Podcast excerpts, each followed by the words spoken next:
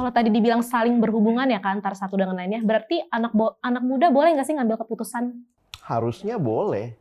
Boleh dalam arti begini ya. Mungkin yang ngambil keputusan tetap orang tuanya, tetapi didengarkan usulannya sehingga gereja sebenarnya harus mempunyai ruang yang aman untuk orang muda yang mungkin memang tidak langsung jadi decision maker di gereja untuk didengarkan, untuk mereka juga bisa bisa uh, menyampaikan ide-ide mereka atau pemikiran mereka tentang bagaimana sebaiknya gereja. Saya melihat mungkin orang tua yang harusnya lebih memulai. Kenapa? Karena yang tua pernah muda, yang muda belum pernah tua. Ripka udah pernah tua? Belum dong, Kak. Masih ya, muda. Saya pernah muda, Ripka. Nah, itu membuat kita jadi sadar, tentunya harus dua-duanya. Tetapi ketika misalnya kritikal siapa yang memulai, mungkin yang tua karena pernah muda, belajarlah untuk memulai. Dan yang muda juga belajar rendah hati untuk terbuka, begitu. Podcast kamu, dengarkan inspirasi dari firman Tuhan jadilah saluran berkatnya. Sebuah persembahan dari warung sate kamu untukmu. Kalau saya kok melihatnya justru ibadah di mana semua orang yang hadir dari berbagai generasi bisa menikmati kebersamaan yang yang indah memuji Tuhan. Karena itu nanti uh, banyaklah pengembangan dalam bidang ibadah. Ada yang melakukan yang namanya blended worship, ibadah yang uh, di, digabungkan lah ya antara musik-musik orang tua yang atau yang uh, orang-orang yang, yang dulu ya, yang dulu ya sama yang muda atau menyanyikan lagu-lagu yang lama dengan musik, musik yang sekarang. baru. Ah, wow. Jadi itu itu membuat orang tua tetap tahu bahwa yang dinyanyikan itu adalah apa yang apa yang dulu dia nikmati tapi di sisi lain anak muda juga bisa melihat indah juga ya syair-syair lagu dari lagu-lagu yang lama ini. Dan memang diskusi yang selanjutnya adalah pada akhirnya uh, apakah musik tertentu membawa kita kepada Tuhan? Musik ini membawa, ini kurang membawa kepada Tuhan. Kalau ini hingar-bingar, seribu watt, lebih dekat sama Tuhan dan Roh Kudus. Kalau ini tenang, jarum jatuh, kedengeran, wah ini kurang dekat sama Roh Kudus. Saya pikir uh, kita harus punya konsep ibadah yang lebih utuh ya, bahwa ibadah bukan bicara sekadar musik, tetapi keseluruhan hidup yang di dalamnya kita boleh berjumpa dengan Allah bersama dengan jemaat yang lain. Konsep ibadah yang utuh harus dipahami ya. ya. Kalau untuk uh, membahas tentang tadi antara generasi muda dan tua, udah membahas contoh kasus umumnya ya kak. Mm. Ini mungkin untuk kasus-kasus lainnya nih kak. Yeah. Apa pun itu nih kan memang cenderung lebih ke pola pikir ya kak. Pola mm. pikir yang berbeda mm. dan pola kerja sama. Nah, gimana sih kita sebagai uh, generasi muda meyakinkan orang tua mengenai ide atau konsep baru? Kalau misalnya nanti ada kerjasama ke depannya atau kita mau bikin kegiatan nih kak, gimana yeah. meyakinkan si orang tua untuk menerima ide kita? Wah, ini real banget pertanyaannya ya. Karena ini dialami, sesuatu kak. yang dialami ya. iya, Dan ketika bicara hal seperti itu, saya pikir perubahan itu tidak mudah dan tidak cepat biasanya. Bukan berarti tidak mungkin, bedakan ya. Sehingga di sinilah kita butuh yang namanya, kalau saya yang pertama dan terutama berdoa ya. Karena Tuhan yang sanggup mengubah hati, tapi di sisi yang lain kita perlu belajar komunikasi yang baik. Wah, Ripka orang komunikasi ya. kita dulu kuliah komunikasi ya. tapi realitanya bahwa ternyata berbicara dengan hikmat dari Tuhan, berbicara dengan tepat, menyampaikan dengan baik, saya pikir juga itu butuh perjuangan ya. Nah, karena itu eh, mari juga kita punya respect yang baik kepada yang tua. Ini kembali lagi karena realitanya kenapa bicara seperti pertanyaan ini muncul karena biasanya decision makernya yang tua, yang lebih dewasa. Nah, bagaimana nih kalau kita punya ide? Maka kita terbuka untuk diskusi. Nah, kita bicara anak mudanya ya, orang tuanya juga pasti punya tanggung jawab. Mereka harus belajar rendah hati, belajar mendengar. Tapi orang mudanya harus pertama-tama menunjukkan respect Kenapa? Karena itu sesuatu yang umum dan Alkitab juga katakan hormatilah orang yang lebih tua. Jadi belajarlah hormat, belajar mendengar, Kalau ada ruang diskusi dan harusnya ada, maka kita diskusikan pendapat kita. Dan ketika tidak disetujui, maka kita tidak menjadi orang yang merasa ini masalah menang kalah. Oke, bukan masalah menang. Ini bukan masalah menang kalah, tapi mungkin belum waktunya. Sehingga tahun depan mungkin kita ajukan lagi dengan konsep yang lebih matang. Nah, kalau kita dapat feedback misalnya, kalian ini mikirnya terlalu begini, begini, begini, terlalu sulit nih begini, maka kita terima dan kita melihat, oh iya, bukan kalau kalau nggak diterima usul saya, saya keluar dari gereja ini, saya keluar dari pelayanan ini, saya akan tinggalkan. Kalau seperti itu, akhirnya kita tanpa sadar ya, hanya mencari tempat di mana kita di, Terima. diterima dan itu sebenarnya juga tidak sehat untuk pelayanan.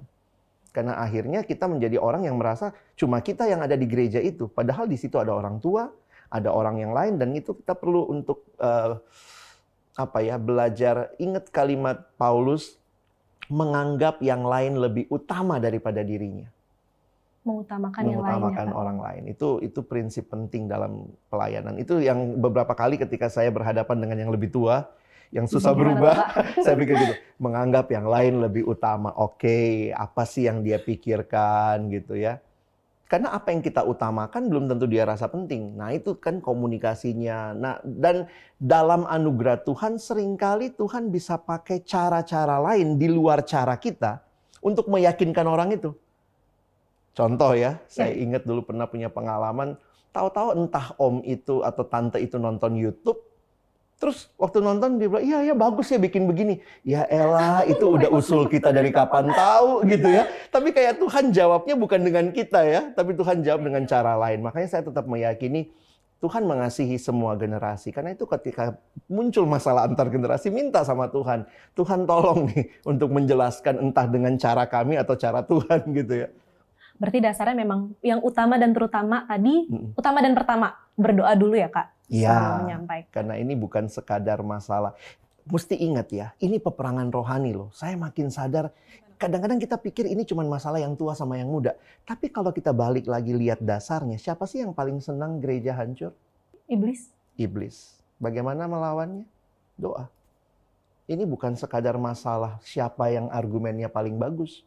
Sehingga ini akhirnya ini gereja jadinya lebih anak muda, ini gereja jadi lebih orang tua. Kan bukan itu. Kita mau agar di dalamnya orang bertumbuh. Dan yang paling tidak senang kita bertumbuh ya si iblis. Nah hati-hati. Perpecahan generasi, tua muda itu bawa dalam doa. Apalagi ketika kita mau membuat kegiatan untuk memuliakan nama Tuhan ya Iya, kak. Paling taunya depan ya. awalnya berantem dulu. gitu ya. ya, tapi kalau memang kita perlu berjuang menyampaikan pendapat, ya berjuang begitu ya. Itu bedakan antara kita berjuang dengan kita sudah war mode on. Pokoknya gua, gua lawan loh gitu ya. Dan yang paling penting bukan cara kita yang harus selalu didengar, tapi nanti Tuhan punya cara Iya, ya kak yang akan iya. menjawab cara lainnya. Nah, selanjutnya nih kak, poin Mm-mm. B-nya. Kalau tadi kan nanya gimana meyakinkan orang tua untuk ide konsep dari anak muda, selanjutnya gimana kita, gimana sih menanggapi orang tua yang merasa paling benar dan paling berpengalaman? Ah, itulah ya. Masalahnya orang tua ya. Kalau mereka menganggap paling benar, paling berpengalaman, mungkin kita buang kata palingnya. Ya, dalam arti begini, tetap kita hargai mereka punya pengalaman. Dan kita tetap menghargai mereka benar. Tapi kalau paling mungkin di situlah. Dan itu yang saya katakan tadi, kita butuh eh, apa ya, punya punya proses yang panjang begitu untuk sebuah eh, perubahan. Karena itu tetaplah setia.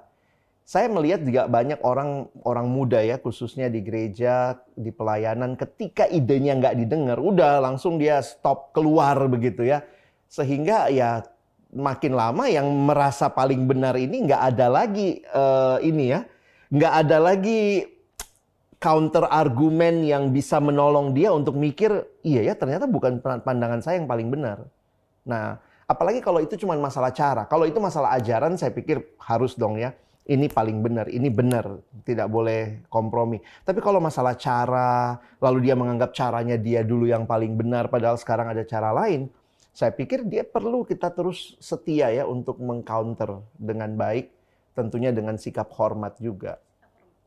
Kalau gimana sih kak cara eh, menyampaikan argumen tapi nggak pakai emosi? Atau kalau bahasa anak sekarang pakai kalimat afirmatif. Wih. Widih, gimana? Afirmatif itu jadi poinnya adalah kita meneguhkan apa yang baik. Misalnya gitu. Pak, Bu, Om, Tante, bagus banget concern Om dan Tante buat pemuda. Jadi kita meneguhkan bahwa ada majelis atau mungkin pendamping pelayanan biasanya kan yang lebih senior dia mau datang tiap minggu harusnya kita afirmasi dong kita bersyukur terima kasih ada orang seperti om tante yang dampingi kami. Nah tetapi kemudian kita juga bilang om tante ini ada cara lain untuk melakukan ini misalnya bisa nggak ya kita baca Alkitabnya kali ini uh, bergiliran atau apa? Oh nggak bisa pakai cara yang lama, cuma satu cara baca Alkitab misalnya. Nah itu kan hal yang bisa kita komunikasikan dan ketika kita mengafirmasi orang lain dalam ketulusannya bukan pura itu kalau nggak kalau pura-pura jadi menjilat itu hati-hati ya. Jadi waktu kita afirmasi dengan baik, dengan tulus, maka kemudian kita akan bisa juga menyampaikan pendapat kita. Kalau dia tidak setuju, maka kita bisa tanya lagi oh kalau oh belum pas ya di gereja kita nggak bisa ya di pelayanan kita nggak bisa ya. Boleh tahu om kenapa nggak bisa? Boleh tahu pak kenapa nggak bisa? Nah kalau dia terbuka apa akan diskusi saya pikir kita akan bisa jadi lebih baik ya. Tapi mulailah dengan afirmasi. Kalimat-kalimat afirmatif ketimbang saya nggak setuju. Saya rasa ini nggak tepat. Nah itu kan kalimat-kalimat yang membuat orang sebelum kita bicara argumennya, kita kayak menyerang orangnya. Nah, sebenarnya di dalam Alkitab tuh saya juga dulu mikir gitu ya. Kok kita harus belajar bicara sih ya kayak kita belajar komunikasi aja empat tahun ya untuk bisa ngomong ya. tapi tapi yang menarik adalah di Alkitab di dalam Kolose pasal 4 ada tuh kalimat hendaklah kata-katamu enak didengar. Jadi itu Alkitabiah dan itu adalah kalau orang bertumbuh dalam Tuhan harus belajar berbicara dengan baik, menyampaikan dengan baik. Dan saya pikir itu itu mandat Alkitab lah ya, karena itu kata perintah di Alkitab. Perintah. Jadi dari dulu sudah diajarkan ya Kak, menyampaikan kata-kata ya. dengan baik, dengan lembut. Amsal bilang begini, perkataan yang tepat, perkataan yang diucapkan tepat pada waktunya seperti apel emas di pinggan perak. Jadi bayangkan apel emas di pinggan perak. Jadi itu uh, sangat berharga ketika tepat disampaikan. Tepat di, di waktu, uh, waktu yang, tepat, ya. yang tepat ya. Kalau misalnya orangnya lagi marah-marah, kita dengar dulu. Ini juga buat teman-teman yang remaja, pemuda ya. Kalau dengar orang tua marah, sebenarnya dengerin dulu gitu. Terima kasih papa, mama masih mau ngomelin saya. nah dari sisi itu kemudian kita ajak Eh, kita dengar, waktu kita dengar dikasih tahu, nah tunggu mereda, baru mungkin kita bicara. Jangan ketika yang sana marah, di sini marah gitu ya. Yang satu kompor, yang satu gas, yang satu nyiramin bensin lah, makin hancur begitu. Jadi kepikir sih kak, eh, mungkin ketika kita misalnya lagi ada membahas satu kegiatan antara hmm. si pemuda dan majelis gereja misalnya ya, kak misalnya, yang buat. Ya. Hmm. Namun ketika nggak diterima dan uh, menolaknya secara langsung tegas tanpa iya. mendengarkan iya. pembicaraan kita memang mungkin kita harus memberikan ruang atau waktu dulu kali ya kak berapa lama untuk bisa jadi begitu orang tua untuk misalnya mereka memproses itu atau misalnya kalau udah biasanya kan kalau rapat udah panas gitu deadlock gitu ya kita balik dulu ya ke rumah masing-masing kita doa sama-sama om tante nanti kami juga coba perhatikan lebih jauh nanti kemudian kalau udah lebih cool baru kita ngobrol lagi. Saya pikir sebenarnya itu ya, gereja tuh harusnya punya itu semua kan, pengampunan, kasih. Ya sedihnya kalau ternyata di gereja yang terjadi konflik, uh, yang yang satu menyalahkan yang lain gitu. Padahal harusnya di gereja tidak seperti itu. Jadi merasa tertegur juga. ya ini sama-sama menegur buat kami yang saya kok berasa tua ya jadinya. generasi beda generasi. Ya, beda generasi. Nah, kalau tadi udah disebut ya kak, uh, udah lebih ke praktisnya mm -mm. lagi ya kak. Mm -mm. Kalau kak Alex sendiri pernah punya pengalaman gak sih kak yang bisa kak Alex bagikan entah waktu kak Alex muda atau kak Alex menghadapi generasi Masih muda, muda loh. ya maksudnya ketika oh, iya, iya. sebagai kaum muda menghadapi orang tua atau sebaliknya mm -hmm. gimana kak pengalamannya? Uh, pengalaman saya sebenarnya ketika ini pengalaman di salah satu pelayanan ya saya nggak usah sebut di mana ya, ketika saya melayani remaja dan mau membagikan renungan saat teduh. Saya nggak usah sebut dari mana renungannya ya. Tapi waktu mau membagikan itu tiba-tiba ada kalimat begini. Ini dari orang yang uh, apa ya berotoritas dan decision maker waktu itu. Wah renungan ini tidak sesuai dengan ajaran kita. Sebenarnya bukan tidak sesuai dengan ajaran kita, tidak sesuai karena bukan dikeluarkan oleh aliran kita. Oke. Nah, waktu itu saya bingung gitu. Saya rindu adik-adik remaja saya saat teduh, tetapi ternyata responnya seperti itu. Maka ya saya dengan baik mengatakan terima kasih Om, Tante ya untuk kalimat itu. Tapi kemudian saya tanya, apakah ada bahan lain yang bisa menolong adik-adik saat teduh? Kalau ada tolong informasikan ke saya. Karena poin saya, saya tidak sedang menggolkan bahan nih. Saya rindu adik-adik saya bersaat teduh. Nah, itu waktu saya melayani remaja. Karena saya cuma kakak pendamping, saya bukan majelis misalnya, saya bukan uh, decision maker. Nah, ketika itu akhirnya dibales gitu ya. Kita memang belum punya bahan itu. Nah, saya bilang selama bahan itu belum ada, bolehkah tetap saya bagi bahan ini? Kalaupun ada hal-hal yang tidak sesuai nanti kasih tahu gitu ya. Dan akhirnya ya mereka diem gitu karena memang tidak ada bahan yang lain. Nah, saya pikir waktu itu saya merasa cara saya menyampaikan uh, saya rasa cukup pas ya karena mereka nggak marah satu sisi dan juga mereka jadi uh, tujuan saya tercapai adalah supaya adik-adik saya saat teduh. Nah, kadang-kadang kan ketika ditolak misalnya saya ngusulin sesuatu, kalau saya merasa sayanya yang ditolak, lalu saya marah, saya bilang, wah ini orang-orangnya nggak bener ini, saya mau yang baik kok nggak direstui. Saya pikir, uh, saya bersyukur tuh, waktu itu Tuhan kasih cara berpikir yang tidak merasa diri saya yang diserang, tetapi belajar untuk melihat bahwa saya punya tujuan buat adik-adik yang saya layani, dan mereka decision maker, saya harus bicara dengan baik, saya doakan, dan kemudian akhirnya ada jalan keluar seperti itu akhirnya diterima bahan satenya. Sebenarnya bukan diterima ya, Gimana? karena nggak punya bahan lain ya, udah bahan itu yang dipakai gitu ya. Tapi bagi saya itu jadi cara berkomunikasi, saya belajar dari situ. Karena sebelumnya saya pernah marah-marah. Coba gimana? Marah-marahnya, karena saya ngerasa langsung bagian, nah yang muncul waktu marah adalah saya merasa diri saya lebih baik. Masa orang-orang ini nggak mikirin anak-anak itu saat teduh? Tapi poin saya adalah, betulkah mereka nggak mikirin? Hanya karena mereka nggak setuju pendapat saya, apakah mereka nggak mikirin? Nah, jadi saya mengubah cara pandang itu dan akhirnya jadi jadi lebih menarik sih ke depan bisa komunikasi. Kalau ketemu saya kadang nanya, Om, Tante udah ada nih bahannya atau belum? Oh belum ada Lex, silahkan lanjut lagi. Oh puji Tuhan gitu ya, saya lanjut lagi gitu. Jadi emang komunikasi itu proses belajar seumur hidup ya kak? Betul. Kalau pengalaman Kak Alex menghadapi yang lebih muda pernah nggak Kak? Misalnya eh, anak mudanya yang seperti apa, terus gimana Wah. menanganinya Kak? Itu banyak ya, karena saya pelayanan dengan orang muda. Dan saya sadar saya tambah tua. Di pelayanan kan saya nggak tambah muda ya, tapi orang yang saya layani tetap muda. Nah, saya sudah merasa cukup tua ketika tiba-tiba ada yang panggil saya, iya, iya om. Waduh, saya udah om-om dianggapnya. Ada yang panggil iya pak, begitu ya. Nah, sehingga saya harus belajar melihat perubahan. Belajar melihat perubahan. Melihat perubahan dan juga belajar adaptif dengan perubahan. Salah satu yang saya lihat dalam generasi ini, mereka butuh yang otentik.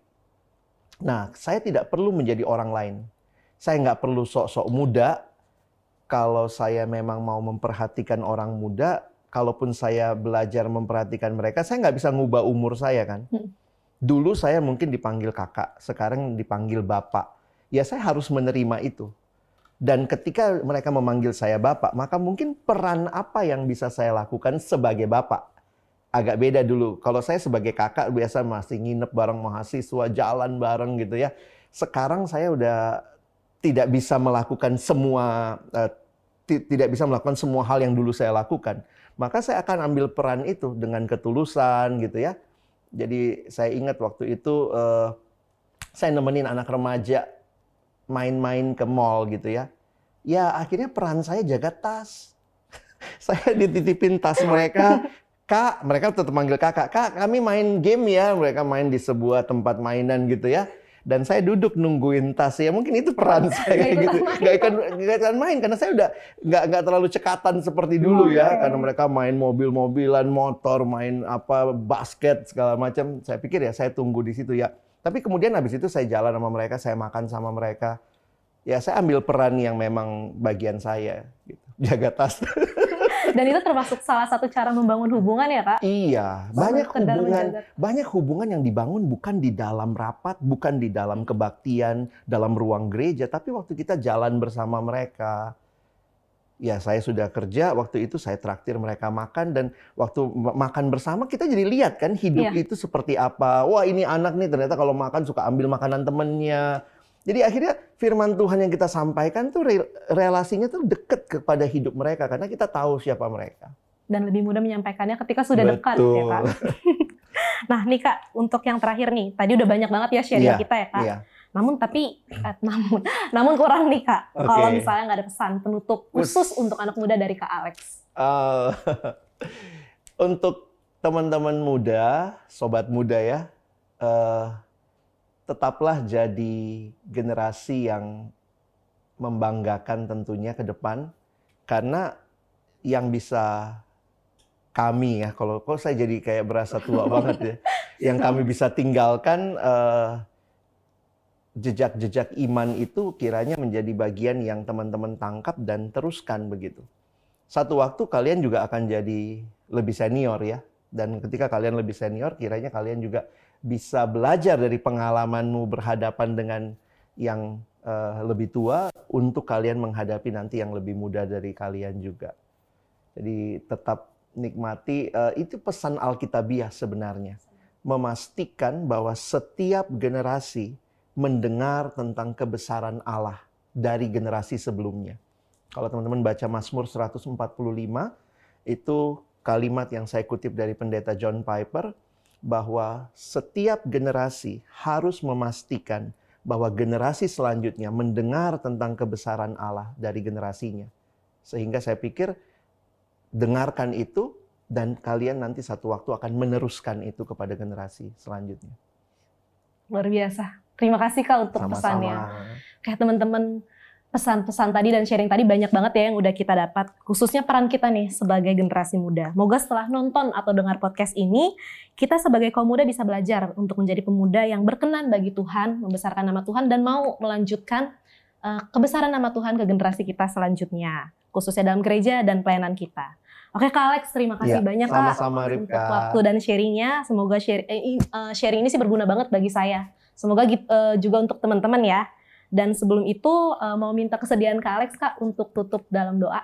Oke, baik. Mari kita berdoa. Bapa di dalam surga, terima kasih bersama dengan sobat muda. Hari ini kami boleh memikirkan sebuah topik yang menjadi realita pengalaman kami di dalam gereja Tuhan, di dalam pelayanan generasi yang tua dan yang muda, yang kami sadari sering kali tidak mudah. Tetapi di dalam kasih Tuhan, di dalam anugerahmu, Tuhan sanggup dan memampukan kami membangun komunikasi, relasi yang baik, pengenalan, rasa percaya yang pada akhirnya akan membangun pelayanan lebih baik lagi bagi kemuliaan nama Tuhan. Kiranya setiap generasi menangkap dengan jelas apa yang menjadi panggilan Tuhan, peran yang Tuhan berikan sehingga pada akhirnya kami tidak menjadi generasi yang saling bersaing-saingan, tetapi kami saling bersinergi saling berkontribusi membangun kerajaan Allah di mana Tuhan menghadirkan kami. Jauhkan kami dari perpecahan yang menjadi rencana si jahat, tetapi dekatkan kami kepada kasih, pengampunan, damai sejahtera yang dari Roh Kudus yang pada akhirnya membawa kami juga memuliakan Tuhan bersama di dalam setiap generasi. Terima kasih, kami bersyukur untuk kesempatan ini. Kami menutup di dalam nama Tuhan Yesus Kristus. Amin. Amin. Luar biasa. Makasih Kak sekali lagi. Sama-sama Rifka. Oke Sobat Muda, terima kasih juga untuk Sobat Muda yang sudah menonton ataupun mendengar podcast ini. Dan jangan lupa follow semua media sosial Warung Sate Kamu, ada IG, Facebook, Twitter, Twitter, TikTok, dan lainnya. Dan juga jangan lupa untuk subscribe YouTube channel ini ya teman-teman, serta eh, nyalakan notifikasi, loncengnya, biar teman-teman tahu nih ada podcast-podcast berikutnya yang gak kalah seru dari ini. Oke eh, teman-teman, terima kasih. Saya Ripka, pamit undur diri. Sampai jumpa. Terima kasih telah mendengar podcast kamu. Kami berdoa kiranya podcast ini menolongmu semakin bertumbuh mengenal Tuhan. Jangan lupa juga untuk follow channel podcast ini karena akan ada konten-konten menarik yang akan kami upload secara reguler. Sampai jumpa lagi. Podcast kamu, persembahan dari warung sate kamu.